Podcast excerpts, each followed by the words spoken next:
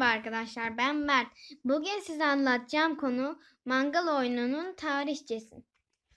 Tarihi araştırmalar mangal oyunu Sakalar, Hunlar ve Göktürkler döneminde oynandığı göstermektedir. Dünyada Kofay House kültürün temelleri 1554 yılında İstanbul'da atılmış. İstanbul'dan sonra günümüz Avrupa'sında kahve kültürünün izleri 1650 yılından itibaren bizden 96 yıl sonra görülmeye başlamıştır. Günümüzde bu güçlü temellerin atıldığı dönemin kahve kültürünü yansıtan sadece iki tane görsel kaynak miras kalmıştır. İki kaynak da İstanbul'da resmedilmiştir. Mangal oyunu iki görsel kaynakta bulunan oyunlardan birisidir. Mangal oyunu tarih boyunca kumar amaçlı olan olarak oynanmamıştır.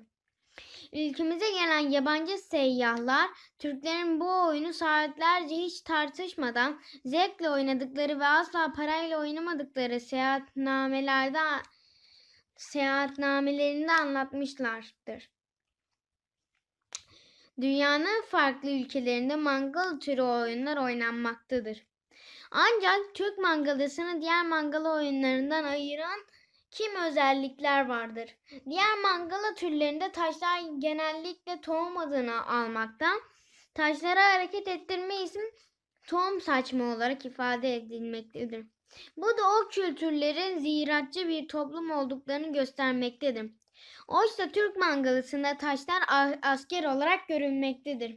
Ayrıca günümüze hazine olarak aktardığımız bölümler Türkler orada yani karah, karargah demişlerdir. Bu da oyunumuzun bir çiftlik oyunu değil, savaş oyunu olduğunu ortaya koymaktadır.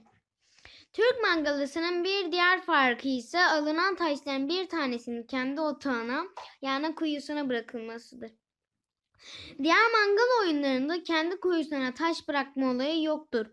Mangalada kendi kuyusuna bir taş bırakma kuralı Türk sosyal hayatında baba ocağına sahip çıkma geleneğinin bir tezahürüdür. Taş kazanmak için rakibin taşlarını çift yapma kuralı ise Türk inanç ve eski devlet sistemi tarihindeki ikili anlayışı sembolize etmekte ve Türklerin geleneksel dünya görüşüne uygun düşmektedir. Eski Türklerin göğü, baba, yeri ana olarak kabul etmesini Türk devlet sistemindeki töles, sol ve tardus sağ ile idare yapıdaki yapgu ve şat sistemi gibi çiftleri bu, bu duruma örnek gösterebiliriz. Kültür ve Turizm Bakanlığı'na Bakanlığı Mangal oyununun Anadolu kültürünün köklü bir başlığı olduğunu, oyunun genç uçakları tanıtılmasının yaygın, yaygınlaştırılmasının yararlı olacağını, kültürel ve turistik alanlarda Türkiye'nin tanıtımına katkı sağlayacağını bildirmişti. Milli Eğitim Bakanı tarafından mangal oyunu okullarımızda oynatılması uygun bulunmuştur. Mangal oyunu çağdaşı olduğu diğer oyunlardan farkı çobandan 70 yaşındaki bir bilgine İstanbul'da saraydaki hanım sultandan 5 yaşındaki çocuğa kadar her yaştan kültürden insanın oynayabilmesidir. Araştırmacı Philip Townsend'e göre bir toplumda insanların en çok beğenilen ve örnek alınan niteliklerden şu yedisi mangal oyunu ile ilgilenir. Kurnazlık, uyanıklık, önceden görme, esneklik, direnme, sağgörü, bellek. Beni dinlediğiniz için teşekkür ederim.